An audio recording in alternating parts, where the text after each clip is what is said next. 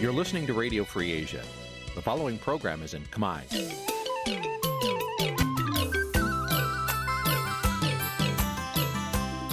Nǐ chi càm bi tiệp xáy vệt chiu a zì sê ray នេះជាកម្មវិធីផ្សាយរបស់ Vithu Azisari ជាភាសាខ្មែរ វត្តឈូអាស៊ីសេរីសូមស្វាគមន៍លោកអ្នកនាងទាំងអស់ពីរដ្ឋធានី Washington នៃសហរដ្ឋអាមេរិក ចាប់ពីរដ្ឋធានី Washington នាងខ្ញុំម៉ៃសុធានីសូមជម្រាបសួរលោកអ្នកស្ដាប់ទាំងអស់ជាទីមេត្រីចាយើងខ្ញុំសូមជូនការផ្សាយសម្រាប់ព្រឹកថ្ងៃប្រហ័ស6កើតខែចែកឆ្នាំឆ្លូវត្រីស័កពុទ្ធសករាជ2565ហើយដល់ត្រូវនៅថ្ងៃទី7ខែមេសាគ្រិស្តសករាជ2022ជាដំបូងនេះសូមអញ្ជើញលោកអ្នកនាងកញ្ញាស្ដាប់ព័ត៌មានប្រចាំថ្ងៃដែលមានមេត្តាដូចតទៅ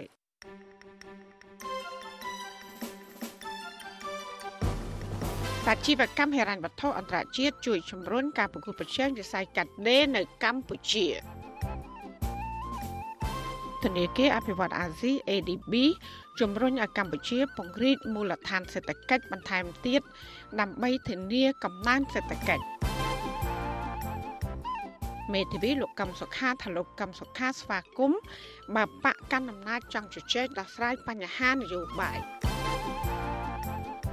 មន្ត្រីសង្គមស៊ីវិលថាលោកហ៊ុនសែនចុះសម្ពោធសមិទ្ធផល និងស្នើឲ្យបរដ្ឋបោះឆ្នោតឲ្យគឺជាការបំពានច្បាប់បោះឆ្នោត។ចាហើយនឹងព័ត៌មានផ្សេងផ្សេងមួយចំនួនទៀត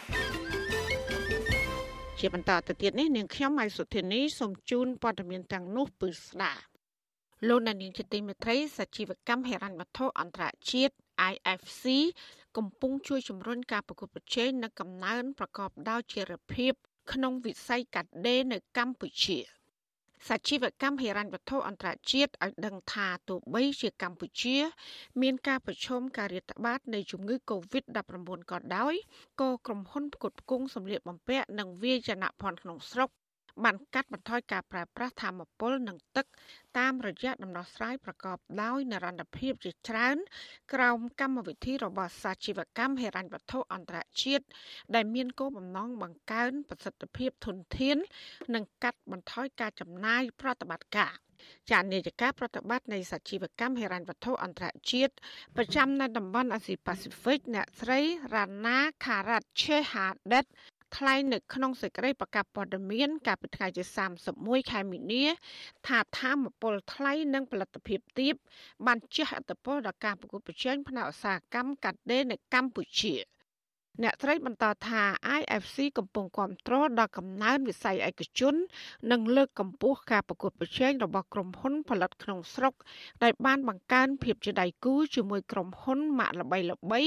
លំដាប់ពិភពលោកដើម្បីជំរុញនិរន្តរភាពក្នុងវិស័យកាត់ដេរនៅកម្ពុជា។ សេចក្តីប្រកាសព័ត៌មានដដែលបន្តថាសជីវកម្មហិរញ្ញវត្ថុអន្តរជាតិបានជួយគ្រប់គ្រងក្រុមហ៊ុនផ្គត់ផ្គង់ចំនួន10ក្នុងផ្នែកវិស័យកាត់ដេរនិងសម្លៀកបំពាក់កាលពីឆ្នាំ2019និងឆ្នាំ2020ដើម្បីសន្សំសំចៃការប្រើប្រាស់ធម្មពលបានជិត20%ហើយនិងទឹកបានជិត30% ក្រុមហ៊ុនផ្គត់ផ្គង់ក្នុងស្រុកដែលបានអនុវត្តកម្មវិធីនេះនឹងត្រូវទទួលបានការលើកទឹកចិត្តក្នុងការកំណត់ថ្លៃពីកម្មវិធីហិរញ្ញប្បទានដល់ក្រុមហ៊ុនផ្គត់ផ្គង់ពាណិជ្ជកម្មសកលរបស់ IFC ក្នុងឆ្នាំ2021កម្មវិធីនេះបានផ្ដល់ហិរញ្ញប្បទានចំនួន276លានដុល្លារអាមេរិកដល់ក្រុមហ៊ុនផ្គត់ផ្គង់នៅក្នុងប្រទេសកម្ពុជា ឧស្សាហកម្មកាត់ដេរនៅកម្ពុជាបានផ្ដល់ការងារដល់កម្មករជាង75ម៉ឺននាក់ហើយដែលភាគច្រើនជាស្ត្រីនិងបានចូលរួមចំណែកជាង1ភាគ3នៃផលិតផលសរុបក្នុងស្រុករបស់កម្ពុជា។ ទោះបីជាកម្ពុជាបាននាំចេញសម្លៀកបំពាក់គិតជាទឹកប្រាក់ចំនួនជាង11000លានក្នុងឆ្នាំ2021ក៏ដោយក៏ថ្លៃចំណាយលើធម្មពលមានកម្រិតខ្ពស់គួបផ្សំនឹងផលិតភាពទាបធ្វើឲ្យប៉ះពាល់ដល់ការប្រកួតប្រជែងរបស់កម្ពុជានៅក្នុងតំបន់ thank you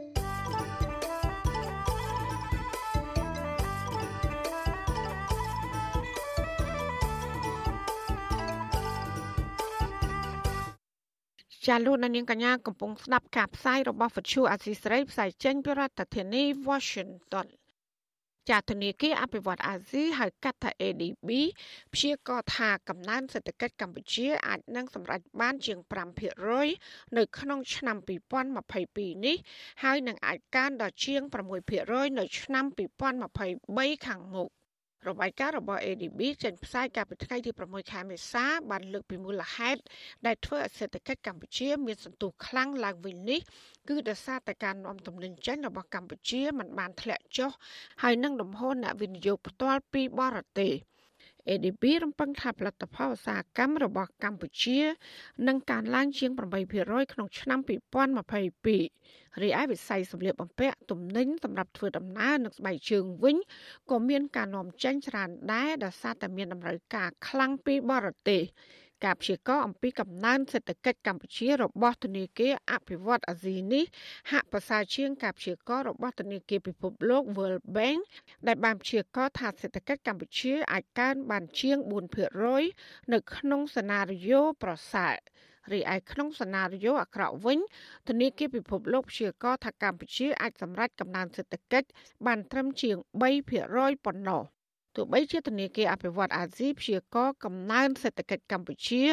អាចងើបឡើងខ្លាំងបែបនេះក្តីក៏កម្ពុជានៅតែមានបញ្ហាប្រឈមដែរចាធនាគារអភិវឌ្ឍអាស៊ីស្នើឲ្យរដ្ឋាភិបាល គួរតែពង្រីកមូលដ្ឋានសេដ្ឋកិច្ចបន្ថែមទៀតដើម្បីអាចជំរុញកំណើនសេដ្ឋកិច្ចប្រកបដោយចីរភាព ធនាគារនេះថាកម្ពុជាមិនគួរផ្ដោតតែលើវិស័យពាណិជ្ជកម្មនិងទេសចរនោះទេ ក្នុងពេលដែលប្រទេសនេះផ្ដោតលើវិស័យកាត់ដេរនិងការនាំចេញសម្លៀកបំពាក់ទំនិញធ្វើដំណើរនិងស្បែកជើងច្រើននោះ ADP ផ្ដល់អនុសាសន៍ថាកម្ពុជា អាចទទួលបានផលប្រយោជន៍ពីការពង្រីកមូលដ្ឋានសេដ្ឋកិច្ចលើវិស័យឧស្សាហកម្មធុនត្រាល់ដូចជាកង់គ្រឿងបន្លាស់អេឡិចត្រូនិកនិងផលិតផលខ្សែភ្លើងជាដើម ADB ចង់ឃើញសេដ្ឋកិច្ចកម្ពុជាធន់នឹងវិបត្តិនានានៃតម្រូវការក្រៅស្រុកចាលោកនាងជាទីមេត្រីក្រោយទៅពីការស្ដាប់ការផ្សាយរបស់វិទ្យុអសីស្រីតាមបណ្ដាញសង្គម Facebook និង YouTube លោកនាងកញ្ញាក៏អាចស្ដាប់ការផ្សាយរបស់យើង តាមរយៈរលកធាតុអាកាសខ្លីឬ Short Wave ដូចតទៅ ចាប់ពីព្រឹកចាប់ពីម៉ោង5កន្លះដល់ម៉ោង6កន្លះគឺតាមរយៈរលកធាតុអាកាសខ្លី12140 kHz ស្មើនឹងកម្ពស់ 25m និង13715 kHz ស្មើនឹងកម្ពស់ 22m ចាសម្រាប់ពេលយប់វិញគឺចាប់ពីម៉ោង7កន្លះដល់ម៉ោង8កន្លះ គឺតាមរយៈរលកធាតុអាកាសខ្លី9960 kHz ស្មើនឹងកម្ពស់ 30m 12140 kHz ស្មើនឹងកម្ពស់ 25m ហើយនឹង11885 kHz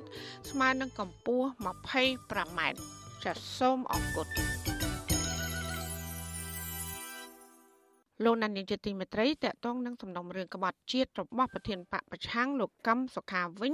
តំណាងអាយកាបានសួរនាំលោកតកតងនឹងបច្ចេកទេសហើយនឹងបញ្ហាកិច្ចការបោះឆ្នោតទោះបីលោកកឹមសុខាព្យាយាមមិនឆ្លើយតបក៏ដោយតំណាងអាយកានៅតែចម្រិតសួរចង់បានចម្លើយដដែល មេធាវីលោកកឹមសុខាស្នើតុលាការសួរកូនក្តីរបស់លោក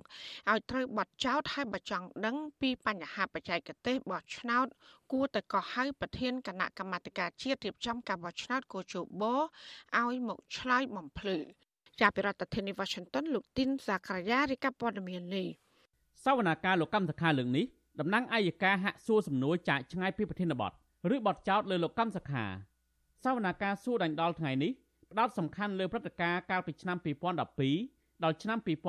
2017និងពីថ្ងៃបង្កើតគណៈបកសង្គ្រោះជាតិនិងថ្ងៃចាប់ខ្លួនលោកកម្មសខាជុំវិញនឹងបញ្ហាបោះឆ្នោតអ្នកខ្លំមើលសវនាការយល់ថានេះជាចេតនារបស់តុលាការ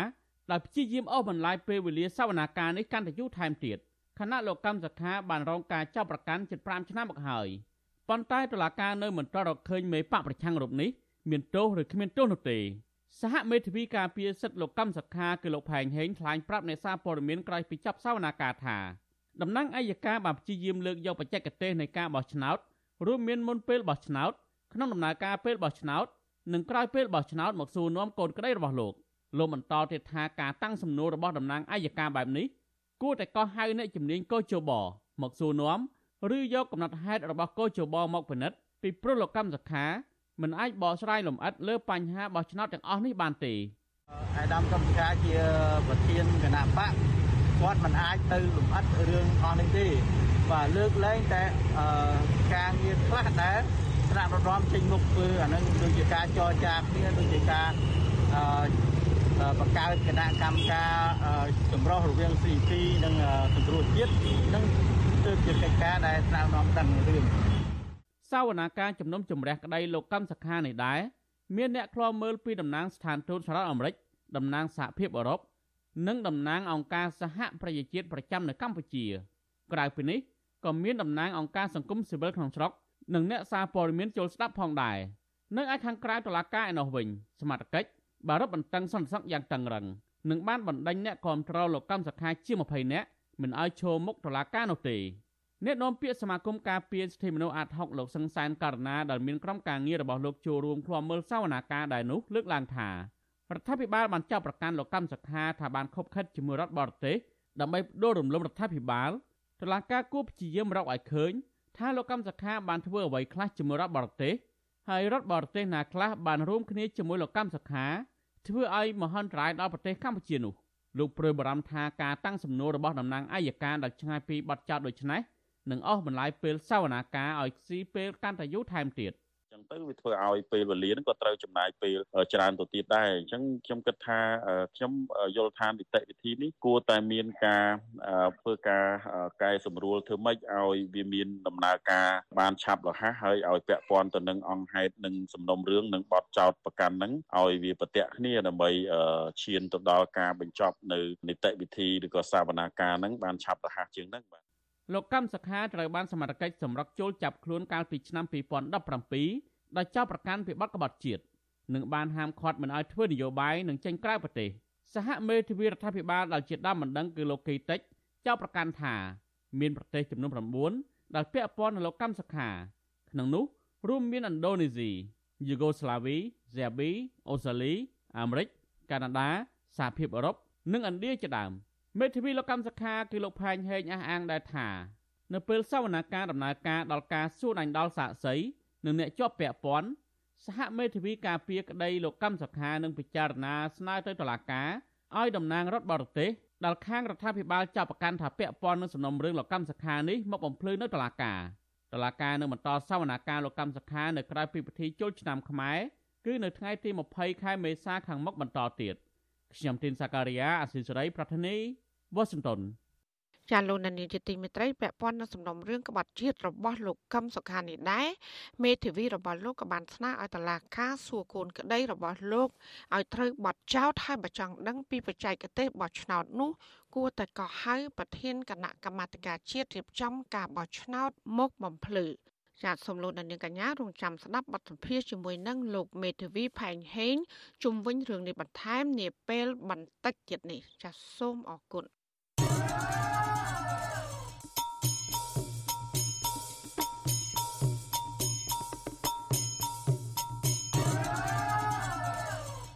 ចាលោកនានីជាទីមេត្រីអ្នកវិភាគនិងមន្ត្រីអង្គការសង្គមស៊ីវិលផ្នែកកិច្ចការបោះឆ្នោត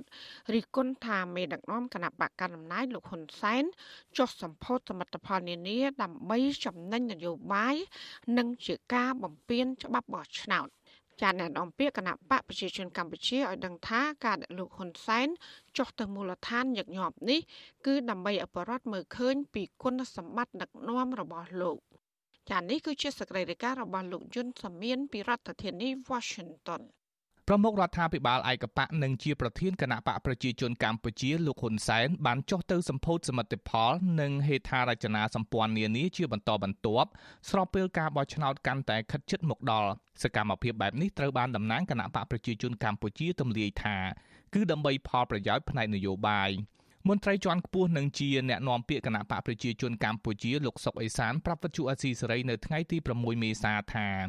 លោកនាយករដ្ឋមន្ត្រីហ៊ុនសែនបានចុះទៅសម្ពោធសមិទ្ធផលនានាកាន់តែញឹកញាប់នៅមុនការបោះឆ្នោតនេះគឺដើម្បីឲ្យពលរដ្ឋមើលឃើញពីគុណសម្បត្តិដឹកនាំរបស់គណៈបកប្រជាជនកម្ពុជាលោកបញ្ជាក់ថានេះគឺជាការប្រមូលផលប្រយោជន៍ផ្នែកនយោបាយដើម្បីឲ្យគណៈបកប្រជាជនកម្ពុជាឈ្នះឆ្នោតបន្តទៀត អាកេងចំណេញថាវាមានគំនិតមិនល្អមានគណៈបកឆាំងនេះដែលកេងចំណេញមកបកកំណាចអត់កេងនេះគឺយកចំណេញហ្មងពីព្រោះធ្វើពិតបានសមត្ថផលពិតទៅហើយសម្ដេចប្រធានគណៈបកក៏ដូចជានាយករដ្ឋមន្ត្រីដើរទៅសម្ពោធតាមមូលដ្ឋាននានាទូទាំងប្រទេសហ្នឹងគឺយកសមត្ថផលពិតហ្នឹងមកបង្ហាញប្រជាជន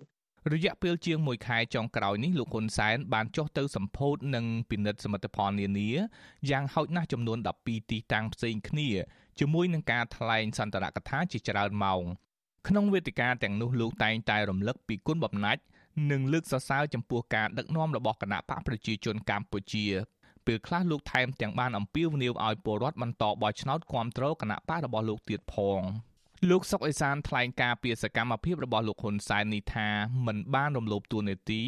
ឬបំពានលើច្បាប់ណាមួយឡើយលើកលែងតែក្នុងអំឡុងពេលឃោសនារោគសម្លេងឆ្នោតម្យ៉ាងវិញទៀតលោកថាទួនាទីលោកនាយករដ្ឋមន្ត្រី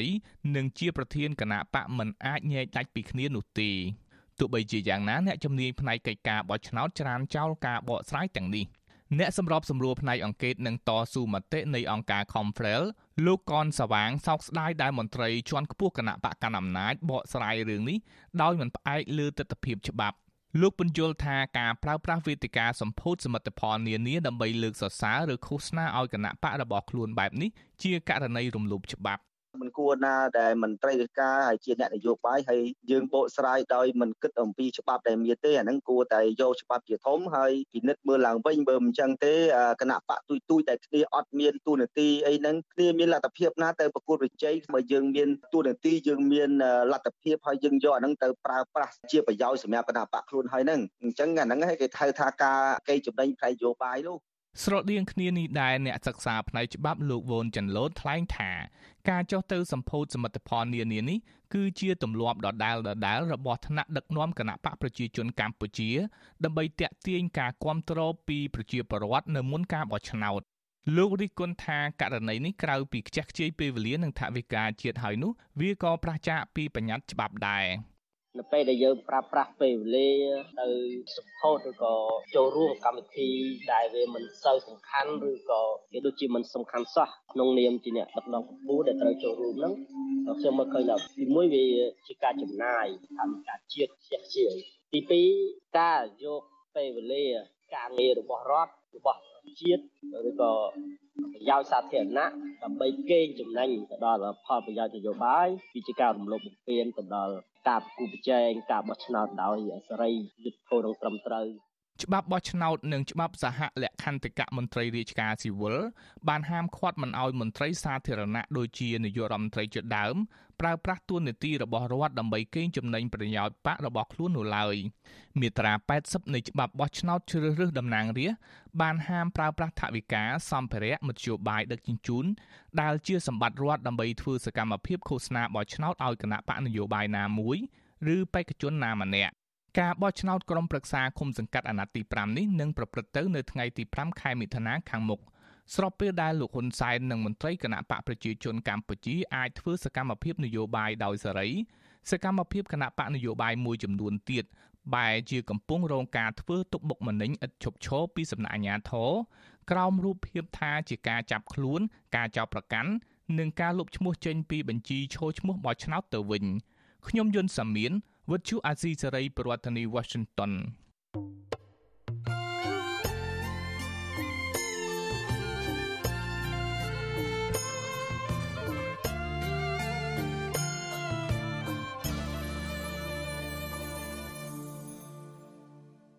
ចាលោកណានៀងជាទីមេត្រីនៅឯខេត្តបៃលិនអាណោវិញតឡាការខេត្តនេះបានកោះហៅប្រធានគណៈបកភ្លើងទៀន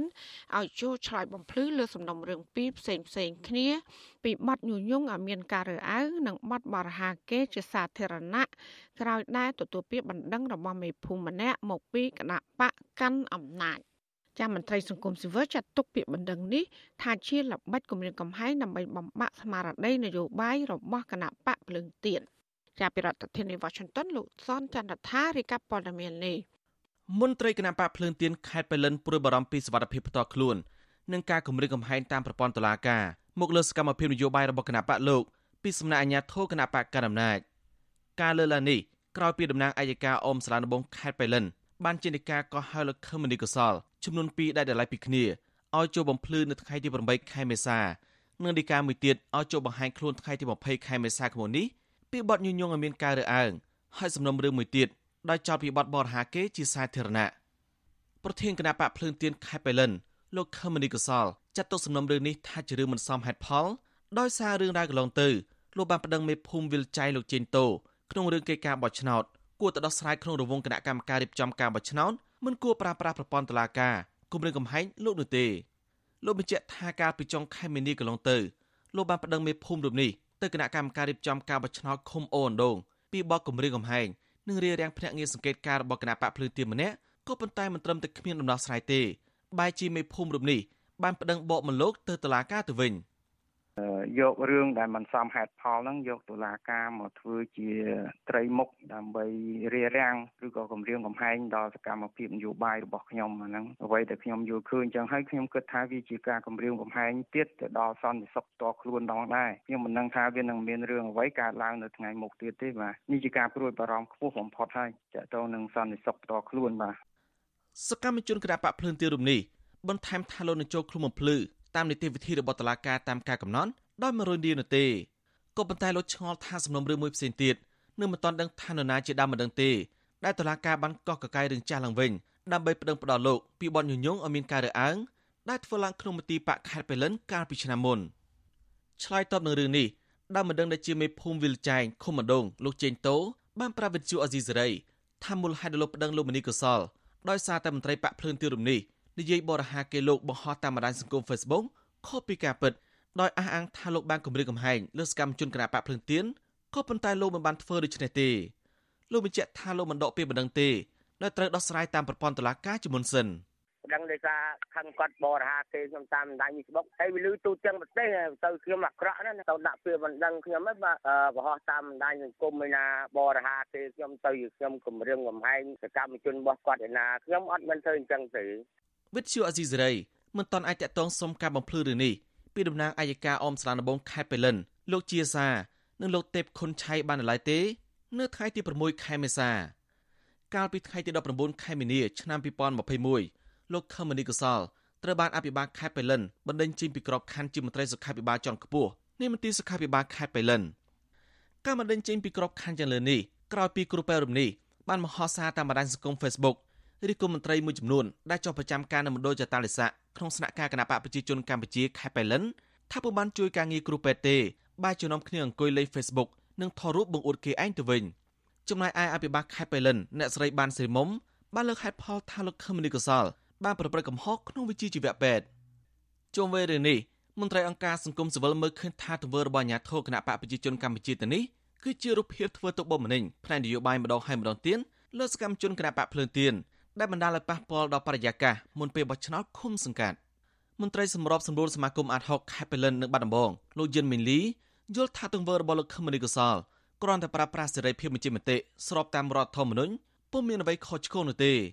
ហេតុនេះលោកថាតឡាការគួរតែពិចារណាលើកលែងការចាប់ប្រកាន់ដែលមិនសមទំនងបែបនេះ ជារឿងនយោបាយសុទ្ធសាធជាងការអនុវត្តច្បាប់ដោយសារតែលោកខមនីកុសលគាត់ជាអតីត CNRP ហើយរឿងនេះកើតមួយឆ្នាំជាងហើយមិនក៏គេមិនបដិងគាត់ទៅទៅតែឥឡូវហ្នឹងបែរជាគេយករឿងហ្នឹងមកបដិងចោតទម្លាក់កំហុសទៅលើគាត់ណាខ្ញុំគិតថាជារឿងដែលប៉ះពាល់ដល់មុខមាត់របស់រដ្ឋាភិបាលហើយរឿងនេះវាជាការគំរាមទៅដល់គណៈបកនយោបាយប្រសិនបើអ្នកឯងធ្វើសកម្មភាពខ្លាំងអ្នកឯងនឹងរងត្រូវការរងការប្តឹង ក្រោយពីអភិបាលខេត្តបេលិនសម្រាប់ដកលោកខមនីកសលចេញពីក្របខ័ណ្ឌនៃក្រសួងសុខាភិបាលដែលមានតួនាទីជាមន្ត្រីជាន់ខ្ពស់នៃមន្ទីរសុខាភិបាលខេត្តនេះលោកក៏បានស្វែងរកកិច្ចអន្តរាគមន៍ពីក្រសួងមុខងារសាធារណៈនិងក្រសួងសុខាភិបាលក៏ប៉ុន្តែគ្មានដំណោះស្រាយទេ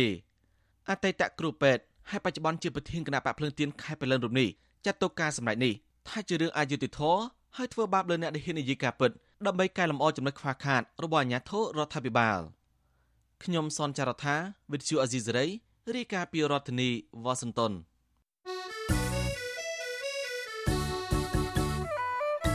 ចាលោកនាងជាទីមេត្រីក្នុងឱកាសនេះដែរនាងខ្ញុំសូមថ្លែងអំណរគុណដល់លោកនាងកញ្ញាដែលតែងតែមានភក្ដីភាពចំពោះការផ្សាយរបស់យើង ហើយចាត់ទុកការស្ដាប់វិទ្យុអសីស្រីជាផ្នែកមួយនៃសកម្មភាពប្រចាំថ្ងៃរបស់លោកអ្នក ចាការគ្រប់គ្រងរបស់លោកនាងនេះហើយដែលធ្វើយើងខ្ញុំមានទឹកចិត្តកាន់តែខ្លាំងបន្ថែមទៀតក្នុងការស្វែងរកនិងផ្តល់ព័ត៌មានសម្រាប់ជូនលោកនាងចាំមានអ្នកស្ដាប់និងអ្នកទស្សនាកាន់តែច្រើនកាន់តែធ្វើឲ្យយើងខ្ញុំមានភាពស្វាហាប់មោះមុតជាបន្តទៀតចាយើងខ្ញុំសូមអរគុណទុកជាមុន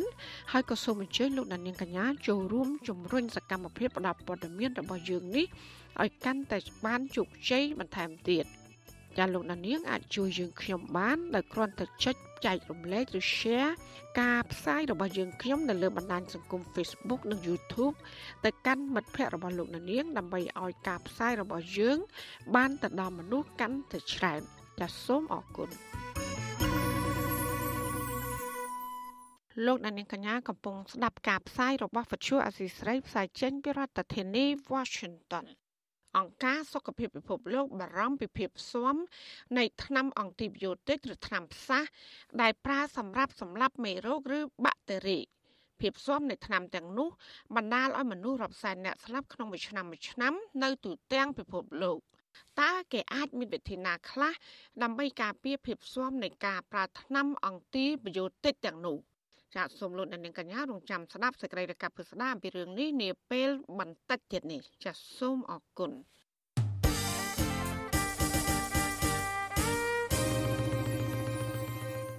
លោកអ្នកស្ដាប់យុតិមេត្រីប្រជាប្រដ្ឋ13នាក់តំណាងឲ្យ121គ្រួសារដែលមានវិវាទដីធ្លីជាមួយក្រុមហ៊ុន OCIC នៅតំបន់ពលានយន្តហោះថ្មីនាំគ្នាដើរដាក់ញត្តិនៅតាមស្ថានទូតមួយចំនួនក្នុងរាជធានីភ្នំពេញដើម្បីស្នើឲ្យស្ថានទូតបរទេសទាំងនោះជួយអន្តរាគមន៍ទៅរដ្ឋាភិបាលឲ្យពន្លឿនការស្វែងរកដំណោះស្រាយ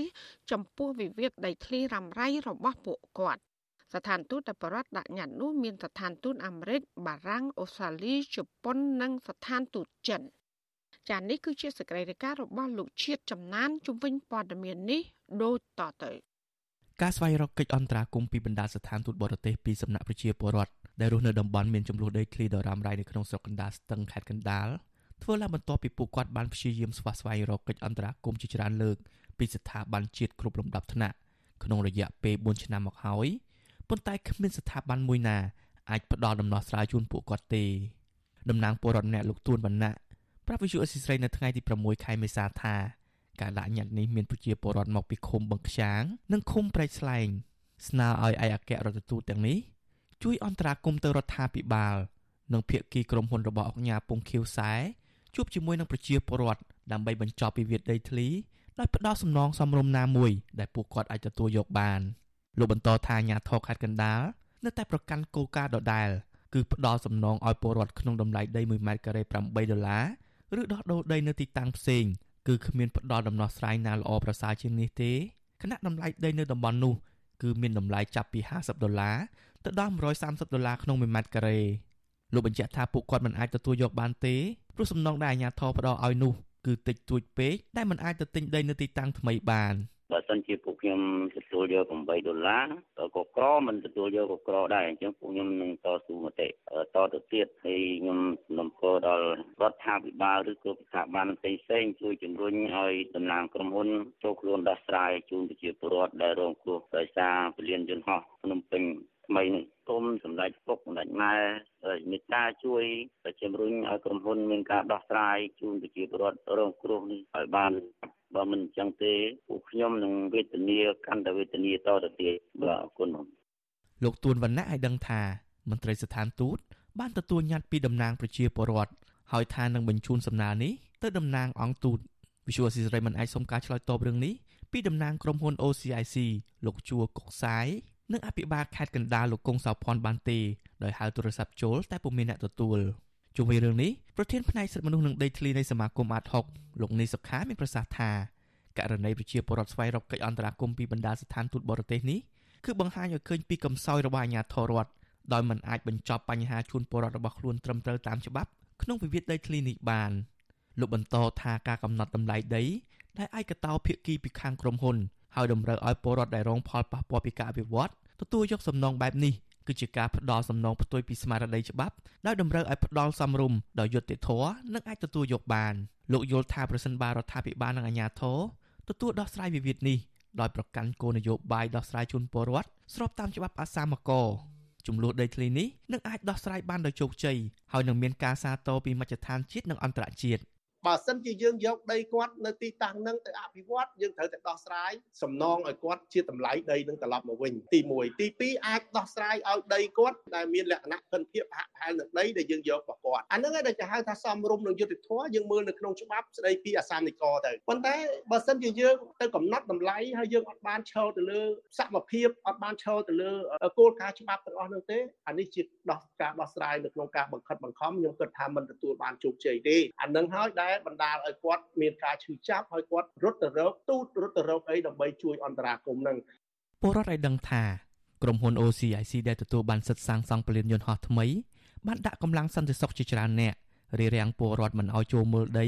និងធ្វើស្រែបានទៀតនោះទេដោយក្រុមហ៊ុនប្រមានចាប់ខ្លួនពលរដ្ឋទាំងនោះបញ្ជូនទៅតុលាការពលរដ្ឋថាគ្រួសារម្នាក់ៗធ្លាក់ខ្លួនក្រីក្រកូនបាត់បង់ការសិក្សាជំពាក់ធនាគារវ៉ាន់កោដោយសារតែបាត់បង់ដីស្រែជាង4ឆ្នាំមកនេះ ហើយអាជ្ញាធរនិងក្រុមហ៊ុនមិនព្រមផ្ដល់សំណងសមរម្យណាមួយឲ្យពួកគាត់នៅឡើយពលរដ្ឋ121គ្រួសារដែលមានដីសរុប63ហិកតាស្ថិតនៅក្នុងគម្រោងក្រុមហ៊ុន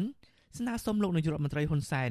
ចេញមុខអន្តរាគមន៍ដោះស្រាយបញ្ចប់វិវាទដីធ្លីរ៉ាំរ៉ៃមួយនេះឲ្យបានឆាប់ដើម្បីឲ្យពួកគាត់ស្វែងរកទីតាំងថ្មីរស់នៅនិងប្រកបរបរចិញ្ចឹមជីវិតបានសមរម្យ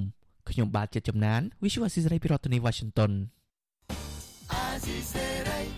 លោកណានីជាទីមេត្រីនៅឯប្រទេសថៃឯនោះវិញពលករខ្មែរមួយចំនួនដែលធ្វើការនៅទីនោះមិនបានមកចូលរួមបុណ្យចូលឆ្នាំថ្មីប្រពៃណីជាតិនាពេលខាងមុខនេះទេដោយសារតែជីវភាពខ្វះខាតព្រោះមួយរយៈនេះมันមានការងារធ្វើទៀងទាត់នោះឡើយ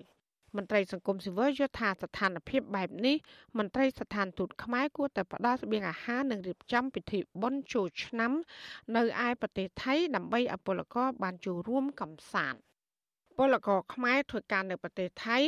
លើកឡើងថាស្ថានភាពដូចសពថ្ងៃនេះពួកគាត់គ្មានលទ្ធភាពធ្វើដំណើរទៅលេងស្រុកកំណើតនោះឡើយពួកគាត់បន្តថានឹងបន្តខំស្មៅនៅប្រទេសថៃទៅមុខទៀតដើម្បីសន្សំប្រាក់យកផ្គត់ផ្គង់ជីវភាពគ្រួសារនៅកម្ពុជា។ ក្នុងពេលកំពុងបំពេញការងារជាអ្នកច្រកបន្លែដាក់ថង់ឲ្យថៅកែថៃពលករនីខ្មែរម្នាក់ដែលធ្វើការនៅទីក្រុងបាងកកលោកស្រីកៅសរួនប្រាប់បច្ចុប្បន្នស៊ីស្រីនៅថ្ងៃទី5ខែមេសាថាលោកស្រីចង់ទៅលេងបុណ្យចូលឆ្នាំថ្មីប្រពៃណីជាតិនៅឯស្រុកកំណើតប៉ុន្តែมันមានលទ្ធភាពដែលសារតែឆ្នាំនេះរកប្រាក់ចំណូលមិនសូវបានដូចជាឆ្នាំមុនមុនបណ្ដាលមកពីការរាតត្បាតជំងឺ Covid-19 លោកស្រីបន្តថាលោកស្រីនឹងអត់ទ្រាំនៅប្រទេសថៃមួយរយៈទៀតក្រែងលោស្ថានភាពជំងឺ Covid-19 បានល្អប្រសើរឡើងវិញ និងមានការងារបានប្រាក់ត្រឡប់ទៅកម្ពុជាវិញ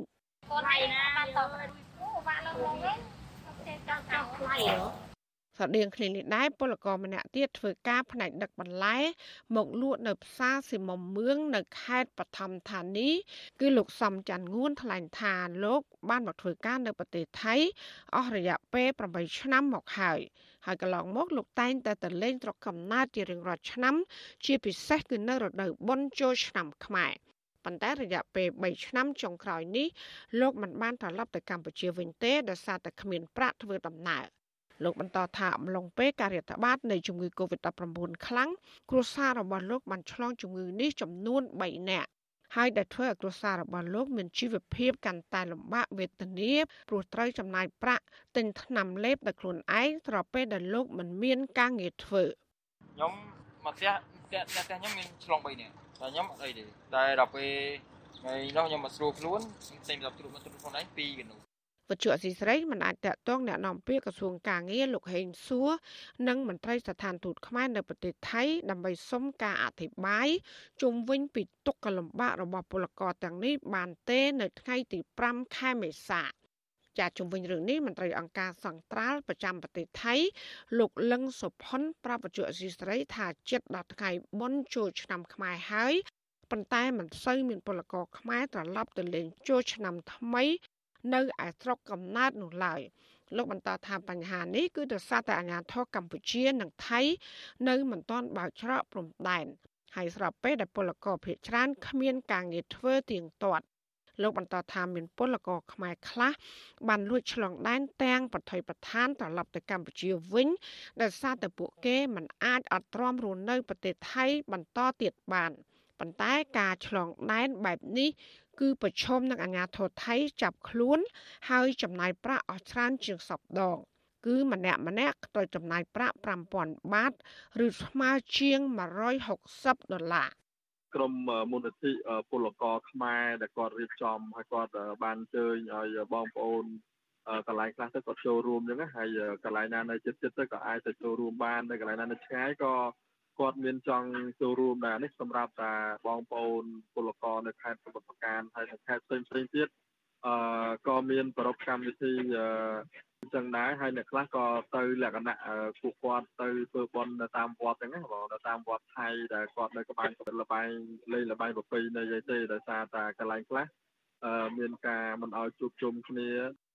លោកលឹងសុផុនបន្ថែមទៀតថាសប្តាហ៍នេះមានពលករខ្មែររាប់ម៉ឺននាក់ អស់សុពលភាពតថាការនិងឯកសារធ្វើការស្របច្បាប់ ហើយពួកគាត់មិនបានបន្តសុពលភាពឯកសារទាំងនោះឡើយដោយសារតែពួកគាត់គ្មានប្រាក់បណ្ដាមកពីអត់ការងារធ្វើទៀងទាត់អស់ជាច្រើនខែមកហើយលោកជឿជាក់ថាដើម្បីសម្រួលដល់ពលករទាំងនោះ មានតែរដ្ឋាភិបាលនិងស្ថានទូតខ្មែរប្រចាំនៅប្រទេសថៃ ជួយអន្តរាគមន៍ទៅអាជ្ញាធរថៃដើម្បីសម្រួលឲ្យពួកគាត់អាចបន្តស្នាក់នៅប្រទេសថៃដោយមិនមានការចាប់ចងនៅក្នុងអំឡុងពេលនេះរបាយការណ៍របស់អង្គការសង្ត្រាល់ឲ្យដឹងថាបច្ចុប្បន្នមានពលករខ្មែរធ្វើការងារស្របច្បាប់ និងមិនស្របច្បាប់ ប្រមាណ7លាននាក់នៅក្នុងប្រទេសថៃ។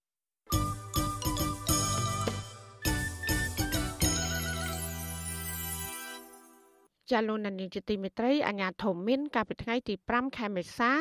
បានបន្តអំពាវនាវដល់ភាគីពាក់ព័ន្ធទាំងឡាយរួមទាំងដៃគូអភិវឌ្ឍឲ្យចូលរួមក្នុងសកម្មភាពបោះសម្អាតមីននៅកម្ពុជា ដើម្បីឲ្យកម្ពុជាសម្រេចបានគោលដៅគ្មានមីនត្រឹមឆ្នាំ2025 លោកលីធុចទេសរដ្ឋមន្ត្រីនិងជាអនុប្រធានទី1បានបញ្ជាក់នៅចំពោះមុខគណៈប្រតិភូសកម្មភាពមីនហ្វីលីពីន និងភៀកគីពាក់ព័ន្ធនៅក្នុងសខាសាលាស្ដីពីអ្នកពាក់ព័ន្ធវិស័យសកម្មភាពមីនហ្វីលីពីន ថាការបោសសម្អាតមីននឹងគោលដៅសម្រាប់ឆ្នាំ2025គឺជាបេសកកម្មសម្រាប់ទាំងអស់គ្នាលើសពីនេះវិស័យមីន ត្រូវការការអភិវឌ្ឍជំនាញថ្មីៗនិងបច្ចេកវិទ្យាបន្ថែមទៀតក្នុងគោលដៅជួយសង្គ្រោះជីវិតមនុស្សជាពិសេសអ្នកងាយរងគ្រោះបំផុតនិងប្រែក្លាយតំបន់ដែលមានមីនទៅជាតំបន់អភិវឌ្ឍកសិកម្មសាលារៀនមន្ទីរពេទ្យនិងទីផ្សារជាដើម។ លោកលីថុចបន្ថែមទៀតថាកម្ពុជាដែលមានអាញាធមមីនជាសេនាធិការបានបដិញ្ញាចិត្តយ៉ាងមោះមុត ចំពោះកិច្ចសហប្រតិបត្តិការនេះនិងបានត្រៀមខ្លួនរួចជាស្រេចដើម្បីចូលរួមគ្រប់គ្រងដល់សកម្មភាពមាននៅក្នុងតំបន់មិនត្រឹមតែនៅក្នុងអំឡុងពេលកម្ពុជាធ្វើជាប្រធានអាស៊ាននោះទេ គឺនៅគ្រប់ពេលវេលា កម្ពុជាក្នុងនាមជាប្រធានអាស៊ាន បានប្រួយផ្ដាំគំនិតបង្កើតមជ្ឈមណ្ឌលតំបន់អាស៊ាន សម្រាប់សកម្មភាពមីនក្នុងន័យថែរក្សាសន្តិសុខមនុស្សជាតិដែលជាផ្នែកមួយសំខាន់នៃការកសាងសហគមន៍អាស៊ាន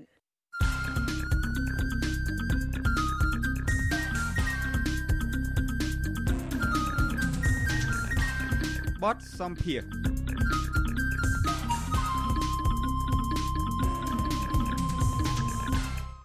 ចាលោកនានីជាទីមេត្រីសហមេធាវីលោកកឹមសុខា ប្រតិកម្មចំពោះតំណាងអាយកាសាលាដំបងរាជធានីភ្នំពេញ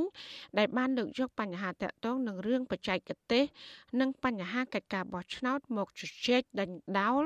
នៅក្នុងអង្គសវនាការក្នុងសប្តាហ៍ទី36កាលពីថ្ងៃទី6ខែមេសាម្សិលមិញ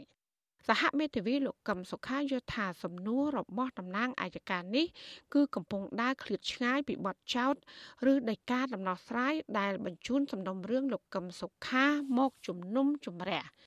ជំវិញដំណោះស្រាយនយោបាយវិញ សហមេធាវីលោកកឹមសុខាបញ្ជាក់ថាលោកកឹមសុខានឹងស្វាគមន៍បើបកកណ្ដាលអំណាចចង់ជជែកក្នុងការដោះស្រាយបញ្ហានយោបាយក្នុងឱកាសបុណ្យចូលឆ្នាំខ្មែរនេះ។ តើសហមេធាវីលោកកឹមសុខានឹងពិចារណាធ្វើអ្វីទៀតដើម្បីជំរុញពន្លឿនសំណុំរឿងនេះចាសសូមលោកអ្នកនាងកញ្ញាស្ដាប់បទសម្ភាសន៍របស់អ្នកស្រីខែសំណងជាមួយសហមេធាវីការពារក្តីលោកកឹមសុខាគឺលោកផែងហេងជុំវិញបញ្ហានេះដូចតទៅជំរាបសួរលោកមេធាវីពីចម្ងាយចាបាទជំរាប ខ្ញុំចង់ជំរាបសួរទៅលោកមេធាវីនឹងតកតងទៅនឹងសវនាការលើកទី36ថ្ងៃនេះសវនាការនឹងគឺថាមានការសួរដេញដោលអីនឹងគឺផ្ដោតសំខាន់ទៅលើរឿងព្រឹត្តិការណ៍កាលពីឆ្នាំ2012នឹងរហូតដល់2017តាំងពីថ្ងៃបង្កើតគណៈបកសង្គ្រោះជាតិរហូតដល់ថ្ងៃចាប់ខ្លួនលោកកឹមសុខាអីជាដើមតើលោកមេធាវីដែលជាម្នាក់នៅក្នុងសហមេធាវីការពីក្តីលោកកឹមសុខានឹងយល់ឃើញយ៉ាងម៉េចដែរចំពោះតំណាងអัยការលើកយកហេតុផលអីរឿងបញ្ហាទាំងអស់នឹងយកមកដេញដោលទៅវិញណាចាបាទព្រឹកមិញនេះគឺបន្តសវនាការដោយសពដងប៉ុន្តែខាងអัยការគាត់តាំងសំណួរហើយក្នុងនោះក៏តំណាងអัยការស្នើសុំចែកកាលវេលាសម្រាប់សួរជា3ដំណាក់កាលមានន័យថាមុនការបោះឆ្នោតអំឡុងពេលបោះឆ្នោត ហើយនៅក្រោយការបោះឆ្នោតព្រមទាំងរហូតដល់ពេលចាប់ខ្លួនអាដាមកំសខា ថ្ងៃ3ខែកញ្ញា2017អញ្ចឹងក្នុងដំណាក់កាលទី1នេះយើងឃើញតំណាងអាយកាគាត់សួរផ្ដោតទៅលើការចុះឈ្មោះបោះឆ្នោតក្នុងនោះក៏បានលើកយកផុសតាងមួយដែលសហមេធាវីបានដាក់គឺរបាយការណ៍របស់ Confrel ដែលគាត់សរសេរអំពីភាពមិនប្រក្រតីនៃការចុះបញ្ជីបោះឆ្នោត2012ចា៎ប៉ុន្តែសហមេធាវី គាត់សម្គាល់ឃើញថាកិច្ចការនោះ ជាកិច្ចការបច្ចេកទេសភាគច្រើនអញ្ចឹងហើយអៃដាមកម្មវិខាក៏គាត់ពិបាកនឹងឆ្លើយកិច្ចការបច្ចេកទេសដូចជាសួរអំពីភាពមិនប្រក្រតីនៃការចុះឈ្មោះបោះឆ្នោតនោះយ៉ាងម៉េចប្តឹងតាមតនការនីមួយៗយ៉ាងម៉េចទាំងអាដាមកម្មវិខាទាំងសហមេធាវីយល់ថាសំណួរនេះជាពាក់ព័ន្ធនឹងការងារបច្ចេកទេសអញ្ចឹងហើយសម្រាប់អាដាមកម្មវិខាដែលជាប្រធានបក ឬក៏អនុប្រធានបកនោះគាត់មិនអាចទៅលំអិតរឿងនីតិវិធីឬក៏កិច្ចការបច្ចេកទេសបែបនេះទេអញ្ចឹងហើយបានជាអាដាមកម្មសខាក្តីសហមេធាវីធ្វើការកត់សម្គាល់ក្តីថាពាក់ព័ន្ធនឹងកិច្ចការបច្ចេកទេសគួរសុំទៅអ្នកបច្ចេកទេសរបស់កោជបឲ្យមកបំភ្លឺទើបច្បាស់ជាង ចាលោកមេធាវីត្រង់ចំណុចនេះលោកមេធាវីបានបញ្ជាក់ឲ្យថារឿងនេះជារឿងកិច្ចការបច្ចេកទេសហើយប៉ុន្តែលោកមេធាវីយល់ឃើញយ៉ាងម៉េចទៅវិញថាតើការដែលតំណាងអัยការតាំងសំណួរអីកោះកកាយរឿងកិច្ចការបោះឆ្នោតអីពាក់ព័ន្ធរឿងតាំងពីការបង្កើតគណៈបកអីមកនោះតើអាចជាប់ពាក់ព័ន្ធទៅនឹងបទចោទប្រកាន់លោកកឹមសុខាពីរឿងបទក្បត់ជាតិនឹងឬក៏រឿងពីបទសន្តិភាពជាមួយរដ្ឋបរទេសអីហ្នឹងតើវាពាក់ព័ន្ធគ្នាដែរទេលោកចា៎ ចំណុចនេះក៏យើងបានធ្វើកំណត់សម្គាល់នៅក្នុងអង្គសាវនាការដែរថាការចោតប្រកាន់អៃដាមកំសខាគឺបទសន្និតិភាពជាមួយបរទេសគឺការត្រូវរើចឹងហើយបានជាយើងធ្វើការកត់សម្គាល់ថាសំណួរដែលពាក់ព័ន្ធនឹងការងារបោះឆ្នោតនេះវាហាក់ដូចជាដើរឃ្លាតឆ្ងាយពីដីកាដំណោះស្រាយដែលបញ្ជូនរឿងមកជំរះ ចឹងហើយយើងក៏បានឲ្យធ្វើការចាប់អារម្មណ៍ដើម្បីឲ្យតឡាការធ្វើយ៉ាងម៉េចអឺគ្រប់គ្រងអាការងារសួរហ្នឹងឲ្យវាត្រូវតាមដីកាបញ្ជូនមកចម្រាស់ចាលោកមេធាវីមួយវិញទៀតអឺ ជាសំណួរដែលមានការចង់ដឹងចង់ឮច្រើនដែរពីសាធារណជននឹងតាក់ទងនឹងរឿងថាពេលដែលដំណើរការសវនាការសួរដេញដោលសាក់សីហើយនឹងពាក់ព័ន្ធនឹងឮថាខាងក្រមមេធាវីរបស់លោកកឹមសុខានឹងពិចារណាស្នើទៅតុលាការនឹងដោយឲ្យមានតំណាងអីរដ្ឋបរទេសដែលពាក់ព័ន្ធនឹងសំណុំរឿងនឹងមកឆ្លើយបំភ្លឺនៅតុលាការអីចឹងជាដើមតើខាងលោកមេធាវីកឹមសុខាតើមានការពិចារណាគ្នាពីបញ្ហានេះដល់ល់ត្រឹមប៉ុណ្ណាហើយហើយតើនឹងសម្រេចពេលណាទៅដើម្បីលើកពីបញ្ហានឹងឡើងនោះចា៎នៅក្នុងនីតិវិធីហើយយើងធ្វើការកត់សម្គាល់កន្លងមកនៅដំណាក់កាលចក្រមស៊ើបសួរឃើញថាការរំលឹកឈ្មោះបរទេសនេះ គឺមិនទាន់មានច្រើនប្រមាណទេប៉ុន្តែ នៅពេលដែលចាប់ដើមសវនាការដល់ដំណាក់កាលសវនាការនេះ គឺសហមេធាវីរបស់រដ្ឋាភិបាលដែលជា ហៅថាដើមមិនដឹងរដ្ឋប្រពៃណីហ្នឹងគាត់បានដាក់បញ្ជីឈ្មោះប្រហែលជា2ទំព័រជាងបាទយកមកជូនតុលាការហើយដែលគាត់ប្រើថាជារដ្ឋឬក៏ភាគីពាក់ព័ន្ធក្នុងនីតិវិធីដេញដោលកាលណាគេដេញដោលកូនក្តីឬក៏ជនត្រូវចោតចប់សពគ្រប់គេនឹងមានការស្ដាប់សាក់សីបាទឬក៏ស្ដាប់សម្ដីភាគីពាក់ព័ន្ធអញ្ចឹងហើយសហមេធាវីយល់ឃើញថាតាមរយៈលិខិតស្នាមដែលសហមេធាវីរបស់រាជរដ្ឋាភិបាលដាក់មកនេះយើងនឹងមានគម្រោងស្នើសុំឲ្យតុលាការក៏ហៅភាគីពាក់ព័ន្ធឬក៏រដ្ឋបរទេសពាក់ព័ន្ធដែលសហមេធាវីគាត់ដាក់មកហ្នឹងឲ្យមកបំភ្លឺឬក៏យើងចង់ស្ដាប់សម្ដីរបស់បុគ្គលឬក៏អង្គការឬក៏រដ្ឋបរទេសទាំងនោះ ចាលោកមេធាវីត្រង់ចំណុចនោះតើមានបានតាក់ទងអីបដើបដើអីមានតំណាក់តំណងអីចោលជើងមុនថាអាចនឹងមានការអញ្ជើញពីរដ្ឋពាក់ព័ន្ធនឹងអាចថាចូលរួមនឹងគេមានការឆ្លើយតបមិនឬក៏មិនទាន់ទេគ្រាន់តែនេះជាការពិចារណារបស់ខាងមេធាវីដែលថានឹងលើកសំណើនឹងទេមិនទាន់បានធ្វើអីទេឬយ៉ាងម៉េចចាព្រោះកិច្ចការទាំងអស់នេះយើងត្រូវដាក់ស្នើជូនទៅ ប្រធានក្រុមសារជំនុំជម្រះឬក៏យើងហៅថាតឡាការដូច្នេះមិនមែនយើង ជាអ្នកដាក់ទៅរដ្ឋបរទេសឬក៏ភាគីពាក់ព័ន្ធនោះដោយខ្លួនយើងផ្ទាល់ទេគឺយើងត្រូវសុំតាមរយៈតុលាការចឹងហើយយើងនឹងពិចារណាមើលថាតើក្នុងលិសក្នុងបញ្ជីដែលមានទាំងប្រមាណនៅក្នុងសំណុំរឿងហ្នឹងយើងគួរឲ្យហៅទាំងអស់ឬយើងហៅតែប្រទេសមួយចំនួនឧទាហរណ៍ថាកន្លងមកតែតែលើកបញ្ហាអាមេរិកបាទបញ្ហា USAID បញ្ហា NDI IRI ឬក៏បញ្ហា Conrad Adenauer របស់អាល្លឺម៉ង់អីជាដើមអញ្ចឹងហើយតើយើងនឹងពិចារណាថាយើងគួរហៅជានិមិត្តរូបឬក៏យើងឲ្យតឡាការហៅទាំងអស់អ្វីដែលមាននៅក្នុងបញ្ជីរបស់សហមេធាវីរាជរដ្ឋាភិបាលដាក់មក ចាលោកមេធាវីជាចុងក្រោយតកតងទៅនឹងចំហរបស់លោកកឹមសុខាយើងដឹងហើយថាសវនាការថ្ងៃនេះនឹងក្នុងសវនាការបានប្រកាសឲ្យថានឹងបន្តសវនាការទៀតនៅ បន្ទាប់ពីបនចូលឆ្នាំខ្មែររួចចាតើក្រោយពីបនចូលឆ្នាំថ្មីនឹងឬក៏នៅក្នុងអំឡុងពេលនេះខាងលោកកឹមសុខានឹងមានជាចំហអីយ៉ាងណាដែរតកតងនឹងចំហនយោបាយនឹងអាចនឹងមានការចរចាឬក៏មានគម្រោងអីធ្វើបែបណាដែរនៅក្នុងឱកាសពេលនេះចា៎ អឺយើងដឹងហើយថាក្នុងកលៈទេសៈនេះ កូនសោវានៅ ក្នុងគណៈបកកណ្ណាចគឺគណៈបកប្រជាជនកម្ពុជាដូច្នេះការចរចាអឺបើយើងថាមានសញ្ញាណពីអាដាមកម្មសខានោះវាមិនមិនដូចជាមិនអាចកើតឡើងទេប៉ុន្តែខ្ញុំគិតថាបើសិនជាខាងគណៈបកវិជនបាទដែលដឹកនាំរដ្ឋាភិបាល មានឆន្ទៈក្នុងការដោះស្រាយបញ្ហានយោបាយនេះខ្ញុំគិតថាអាដាមកំសខាក៏គាត់នឹងស្វាគមន៍ក្នុងការជជែកដើម្បីដោះស្រាយឲ្យបាន មានការសាស្ត្រាជាតិឡើងវិញនេះដែរចា៎ចានេះខ្ញុំសូមអរគុណច្រើនលោកមេធាវីដែលបានចំណាយពេលមានតម្លៃចូលរួមផ្ដល់សម្ភារបន្ថែមជុំវិញសវនាការលោកកឹមសុខាលើកទី36នៅក្នុងសប្តាហ៍នេះចាសូមអរគុណនិងជំរាបលាជូនពរលោកមេធាវីសុខភាពល្អចាបាទសូមអរគុណ លោកនាងកញ្ញាទៅបានស្ដាប់បទសម្ភាសន៍របស់អ្នកស្រីខែសុនងជាមួយសហមេធាវីការពីក្តីលោកកឹមសុខាគឺលោកផែងហេងជុំវិញសំណុំរឿងក្បត់ជាតិរបស់ប្រធានបពប្រឆាំងលោកកឹមសុខា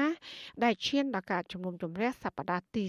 36កាលពីព្រឹកថ្ងៃទី6ខែមេសាម្សិលមិញ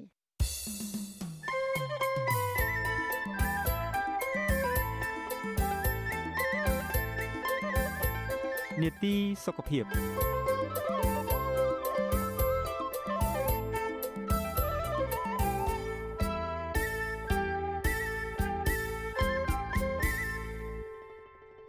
ចាលោកនាងជាទីមេត្រីអង្គការសុខភាពពិភពលោកបារម្ភពីភាពស៊ាំនៃថ្នាំអង់ទីប៊ីយោទិកឬថ្នាំផ្សះដែលប្រើសម្រាប់សម្លាប់មេរោគឬបាក់តេរី ភាពស៊ាំនៃថ្នាំទាំងនោះបណ្ដាលឲ្យមនុស្សរាប់សែននាក់ស្លាប់ក្នុងមួយឆ្នាំមួយឆ្នាំនៅទូទាំងពិភពលោកតើគេអាចមានវិធីណាខ្លះដើម្បីការពារភាពស៊ាំនៃការប្រើថ្នាំអង់ទីប៊ីយោទិកទាំងនេះចាននៅក្នុងនេតិសុខភាពប្រចាំសប្តាហ៍នេះនាងខ្ញុំមានសេចក្តីរាយការណ៍ពិស្ដារជុំវិញរឿងនេះដូចតទៅ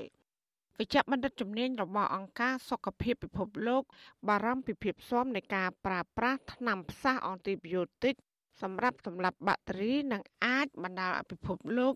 ជួបគ្រោះមហន្តរាយធ្ងន់ធ្ងរដោយសារតែការរាតត្បាតយ៉ាងខ្លាំងនៃមេរោគឬក៏បាក់តេរីដែលมันអាចគ្រប់គ្រងបានអង្គការសុខភាពពិភពលោកប្រមានថាបញ្ហាភាពស៊ាំនៃថ្នាំផ្សះនេះគឺជាបញ្ហាសកលដែលពិភពលោកកំពុងជួបបញ្ហាខ្វះថ្នាំផ្សះឬក៏ថ្នាំអង់ទីប៊ីយោទិកប្រភេទថ្មីសម្រាប់ប្រយុទ្ធប្រឆាំងនឹងការរាលដាលនៃបាក់តេរីកំណាចកំណាច ដែលស៊ាំទៅនឹងថ្នាំបច្ចុប្បន្នបាក់តេរីដែលស៊ាំនឹងថ្នាំផ្សះនេះបានសម្លាប់ជីវិតមនុស្សទូទាំងពិភពលោកយ៉ាងហោចណាស់70000នាក់ក្នុងមួយឆ្នាំមួយឆ្នាំ។លោកអសតការីលំសួរនៅប្រទេសអូស្ត្រាលី មានប្រសាសន៍ប្រាប់បច្ចុប្បន្នស៊ីស្រីកាលពីពេលថ្មីថ្មីនេះថាបរដ្ឋខ្មែរភាគច្រើនយល់ច្រឡំពីការប្រើប្រាស់ថ្នាំផ្សះអង់ទីបយូទិកលោកថាការប្រើប្រាស់ថ្នាំផ្សះដោយខ្លួនឯងមិនត្រឹមត្រូវ តាមវិជ្ជបញ្ជាឬក៏ការប្រើថ្នាំព្យាបាលមិនចំជំងឺ ឬក៏លេបមិនគ្រប់ដូសដែលយូរយូរទៅធ្វើឲ្យថ្នាំនោះវាស៊ាំទៅនឹងមេរោគឬនិយាយម្យ៉ាងទៀតគឺថ្នាំដែលធ្លាប់លេបនោះលែងមានប្រសិទ្ធភាពហើយដែលបញ្ហានេះបណ្ដាលឲ្យប៉ះពាល់ខ្លាំងដល់សុខភាពអ្នកជំងឺទៅថ្ងៃអនាគតឆ្នាំផ្សះជាអាវុធមុខពីរយើងអាវុធនឹងកំបិតនឹងសម្រាប់សម្លាប់គេទេតែយើងមិនប្រើប្រយ័ត្នវាសម្លាប់ខ្លួនយើងទៅវិញ យើងសម្លាប់មេរោគនឹងឲ្យវាស្លាប់អាបាក់តេរីឲ្យវាស្លាប់កុំគ្រាន់តែវាយវាឲ្យស្លាប់យើងឲ្យទៅសាមស៊ីគេឲ្យតែម្ដងមួយក្បងដៃឬពីរក្បងដៃតែពីរដូរទៅទៅទៅទៅណាយើងដឹងថាឆ្នាំផ្សះសប្ថ្ងៃនេះពិបាកជួនអីវិជ្ជបណ្ឌិតគាត់ចេះចេញជូនទៅក៏មិនបានប្រុងប្រយ័ត្នពិនិត្យស្រួលក៏ជាបញ្ហាមួយដល់ពិភពលោកឡើយបាទហើយឆ្នាំខ្លះទៀតគឺថាយើងចេះតែញ៉ាំញ៉ាំទៅវាធ្វើឲ្យស៊ាំខ្លួនយើងដល់ពេលយើងឈឺពិតប្រកប ដាក់ឆ្នាំផ្សះអត់ជុលយើងចប់របាយការណ៍ស្រាវជ្រាវរបស់អង្គការសុខភាពពិភពលោកបង្ហាញក្តីបារម្ភថាមេរោគជាច្រើនរួមមានជំងឺរលាកភ្លើដង្ហើម ជំងឺឆ្លងកាមរោគផ្សេងផ្សេងនិងជំងឺឆ្លងនានាជាដើម អាចបណ្ដាលឲ្យគ្រោះថ្នាក់ដល់ជីវិតដែលសារតែមិនអាចព្យាបាលឲ្យអ្នកជំងឺជាសះស្បើយបានឡើយពីព្រោះតែភាពស៊ាំនៃថ្នាំផ្សះអង់ទីប៊ីយោទិកទាំងនោះ ពាក់ព័ន្ធភាពស៊ាំនៃការប្រើថ្នាំអង់ទីប៊ីយោទិកនេះលោកវិជ្ជបណ្ឌិតម៉ៃសុខារិទ្ធម្ចាស់ clinic នៅទីក្រុង Lynn រដ្ឋ Massachusetts មានប្រសាសន៍ថាប្រជាប្រដ្ឋខ្មែរចូលចិត្តប្រើថ្នាំផ្សះអង់ទីប៊ីយោទិកដែលមិនចាំបាច់ដូចជាការជំងឺគ្រុនផ្ដាសាយធម្មតាឈឺបំពង់កជាដើមលោកថាការប្រើប្រាស់ថ្នាំផ្សះច្រើនពេកនឹងរយៈពេលយូរបណ្ដាលឲ្យប្រព័ន្ធការពារខ្លួនស៊ាំទៅនឹងថ្នាំផ្សះអឺខ្មែរយើង គាត់ចូលចិត្តប្រើថ្នាំអង់ទីប៊ីយោទិកដែលអត់មិនទៅការចាំបាច់គាត់មានផ្ដាសាយធម្មតាហើយគាត់លេបថ្នាំខ្មែរយើងសម្បូរលេបគេអាម៉ុកអាម៉ុកស៊ីស៊ីលីនហើយគាត់ទៅលេបអញ្ចឹងទៅគាត់កដៅខ្លួនប្រាសាទេគាត់ទៅម្ដងទៀតមួយខែនេះទៅពីរដងអញ្ចឹងទៅឬមួយ3ខែទៅ3ដងអញ្ចឹងទៅដល់ពេលគាត់មាន infection មែនតើគាត់លើកថ្នាំអង់ទីប៊ីយោទិកលេងត្រូវអឺឧទាហរណ៍គាត់មកសុំថ្នាំ ព្យាបាលឈឺឆ្អឹងឈឺឆ្អែងឈឺជង្គង់ឈឺចង្កេះឈឺខ្នងឧទាហរណ៍ Motrin ឬក៏ Ibuprofen បើសិនជាអ្នកនោះមានបញ្ហាខាងកលីណូមគាត់លេទៅអាចធ្វើឲ្យកាន់កលីណូមអន់ថយឬក៏គាត់មានជំងឺធ្លាប់ឈាមកាពះពីមុនមកឬក៏តបៅកាពះពីមុនមកគាត់លើកទៅមានបញ្ហាដូច្នេះឆ្នាំផ្សះមិនមែនចិត្តតែលេទេចាលោកវិជ្ជបណ្ឌិតខ្មែរអមេរិកាំងរូបនេះពន្យល់អំពីភាពខុសគ្នានៃជំងឺជាច្រើនដែលអាចបណ្ដាលមកពីវីរុស និងមេរោគបាក់តេរីលោកថាអ្នកជំងឺខ្មែរភាគច្រើនដែលមកជួបលោក តែងតែចង់បានថ្នាំផ្សះខ្លះយកទៅផ្ញើបងប្អូន ឬក៏ក្រុមគ្រួសារនៅឯប្រទេសកម្ពុជា ហើយដែលទង្វើនេះគឺមិនត្រឹមត្រូវនោះឡើយ infection វាមានពីរយ៉ាង infection មួយអឺមេរោគដោយសារ virus មួយទៀតគេហៅ bacteria បើសិនជាមេរោគគឺជា virus ទេ វាទីហោបដាលឲ្យយើងក្តៅខ្លួនបណ្ដាសាយធម្មតាហ្នឹងយើងអត់ត្រូវការព្យាបាលទេអឺបើសិនជា infection បណ្ដាមកពី bacteria អាហ្នឹងយើងត្រូវការព្យាបាលថ្នាំអង់ទីប៊ីយោទិកទីទីហោកើត pneumonia លាកសួតនឹងត្រូវការព្យាបាលព្រោះខ្មែរយើងភាគច្រើនខ្ញុំគាត់អាសាមកសុំឆ្នាំឲ្យឆ្នាំឲ្យតិចខ្លួនហើយគាត់ទិញឆ្នាំទៅពីទៅពីមកលេបចឹងណា ឬមួយទៅដុកទ័រខ្លះគាត់ក៏ឲ្យឆ្នាំអង់ទីប៊ីតិកសម្សាសដើម្បីឲ្យព្យាបាលឲ្យអ្នកជំងឺឲ្យស្ងប់ចិត្តរបាយការណ៍របស់អង្គការសុខភាពពិភពលោកដដែលបន្តថាចាប់ពីឆ្នាំ2012រហូតមកដល់បច្ចុប្បន្នគ្មានការផលិតថ្នាំផ្សះអង់ទីប៊ីយោទិកថ្មីៗនោះឡើយខណៈដែលថ្នាំផ្សាអង់ទីប៊ីយោទិកដែលបានផលិតពីមុន មានប្រសិទ្ធភាពទៀបទៅទៀបទៅ ដោយសារតែភាពស៊ាំនៃបាក់តេរីដែលមានអត្រាកើនឡើងជាលំដាប់ជុំវិញបញ្ហានេះលោកអសតការីលឹមសួរអះអាង ថាប្រសិនបើក្រុមអ្នកវិទ្យាសាស្ត្រมันបានយកចិត្តទុកដាក់ខ្លាំងនៃបញ្ហាស៊ាំនៃថ្នាំផ្សះអង់ទីប៊ីយោទិកនេះ គឺប្រជាពលរដ្ឋនៅក្នុងពិភពលោករាប់លាននាក់នឹងបាត់បង់ជីវិតក្នុងមួយឆ្នាំមួយឆ្នាំ ពីព្រោះថ្នាំចាស់អស់ប្រសិទ្ធភាព ក្នុងគ្រាដែលអ្នកវិទ្យាសាស្ត្ររកថ្នាំថ្មីមិនទាន់ឃើញឬក៏ផលិតមិនទាន់ព្រួយបារម្ភពិភពលោកថ្ងៃក្រោយបើយើងចេះតែប្រើប្រាស់ផ្លាស់ទៅបើសិនតែវារាតត្បាតដូច COVID ហ្នឹងគឺពិភពយើងចប់ហើយព្រោះតែយើងអត់មានថ្នាំអីទប់វាបាទ COVID នេះយ៉ាងហោចណាស់វាជា virus យើងមានវ៉ាក់សាំងតែអាអា bacteria នេះវាអត់មានវ៉ាក់សាំងការដែលប្រើប្រាស់ផ្លាស់នេះគឺជាការគ្រោះថ្នាក់ទៅវិញគ្រោះថ្នាក់មិនត្រឹមតែប្រទេសយើងទេគឺគ្រោះថ្នាក់ពិភពលោកតែម្ដង គឺថាសប្តាហ៍នេះក្រុមហ៊ុនថ្នាំធំធំអន្តរជាតិដែលគេមានលុយរាប់កោតគេមិនចំណាយលុយគេទៅស្រាវជារោគថ្នាំផ្សះទៀតទេម្ល៉េះយើងនៅតែមានថ្នាំផ្សះចាស់ចាស់អង្គការសហប្រជាជាតិខៃសុខភាពក៏ព្រួយបារម្ភអង្គការសុខភាពពិភពលោកផ្ដល់ដំបូន្មានថាដើម្បីការពារនិងទប់ស្កាត់ភាពស្វាំនៃការប្រើថ្នាំអង់ទីប៊ីយោទិកនេះ សំខាន់បំផុតគឺត្រូវថែទាំសុខភាពឲ្យបានល្អមាំមួនចាក់ថ្នាំបង្ការជំងឺផ្សេងផ្សេងដូចជាវ៉ាក់សាំងការពារជំងឺគ្រុនផ្ដាសាយធំរៀបចំម្ហូបអាហារឲ្យមានអនាម័យលាងដៃនិងសាប៊ូឲ្យបានញឹកញាប់ពេលក្អកត្រូវខ្ទប់មាត់ច្រមុះហើយនៅពេលដែលឈឺមិនត្រួតខ្លួនត្រូវសម្រាកនៅផ្ទះជាដើមបន្ថែមពីនេះប្រទេសនានានៅក្នុងពិភពលោកត្រូវរៀបចំគម្រោងផែនការសកម្មភាពជាតិ ក្នុងវិស័យសុខាភិបាល ដើម្បីផ្សព្វផ្សាយពីគ្រោះថ្នាក់អំពីភាពស៊ាំនៃការប្រើថ្នាំផ្សះអង់ទីប៊ីយោទិកទៅលើមនុស្សសុខភាពសត្វនិងរុក្ខជាតិហើយបើធ្លាក់ខ្លួនឈឺវិញត្រូវជួបគ្រូពេទ្យលេបថ្នាំឲ្យបានត្រឹមត្រូវទៅតាមគ្រូពេទ្យណែនាំ thank you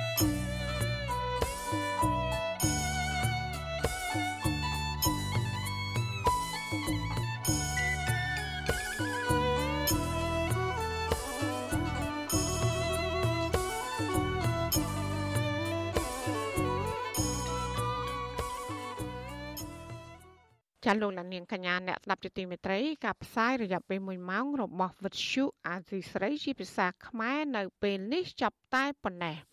ចាយើងខ្ញុំទាំងអស់គ្នាសូមជូនពរលោកលាននិងក្រុមគ្រួសារទាំងអស់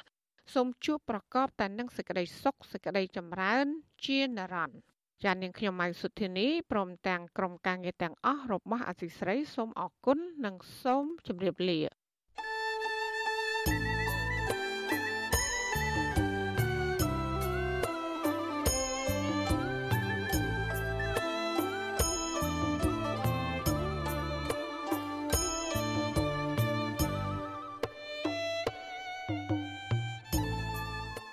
ទ្យុអាស៊ីសេរីផ្សាយតាមរលក ធាតុអាកាសខ្លីឬ shortwave តាមកម្រិតនិងកម្ពស់ដូចតទៅនេះពេលព្រឹកចាប់ពីម៉ោង5កន្លះដល់ម៉ោង6កន្លះតាមរយៈរលកធាតុអាកាសខ្លី12140 kHz ស្មើនឹងកម្ពស់ 25m និង13715 kHz ស្មើនឹងកម្ពស់ 22m ពេលយប់ចាប់ពីម៉ោង7កន្លះដល់ម៉ោង8កន្លះតាមរយៈរលកធាតុអាកាសខ្លី 9960 kHz ស្មើនឹងកម្ពស់ 30m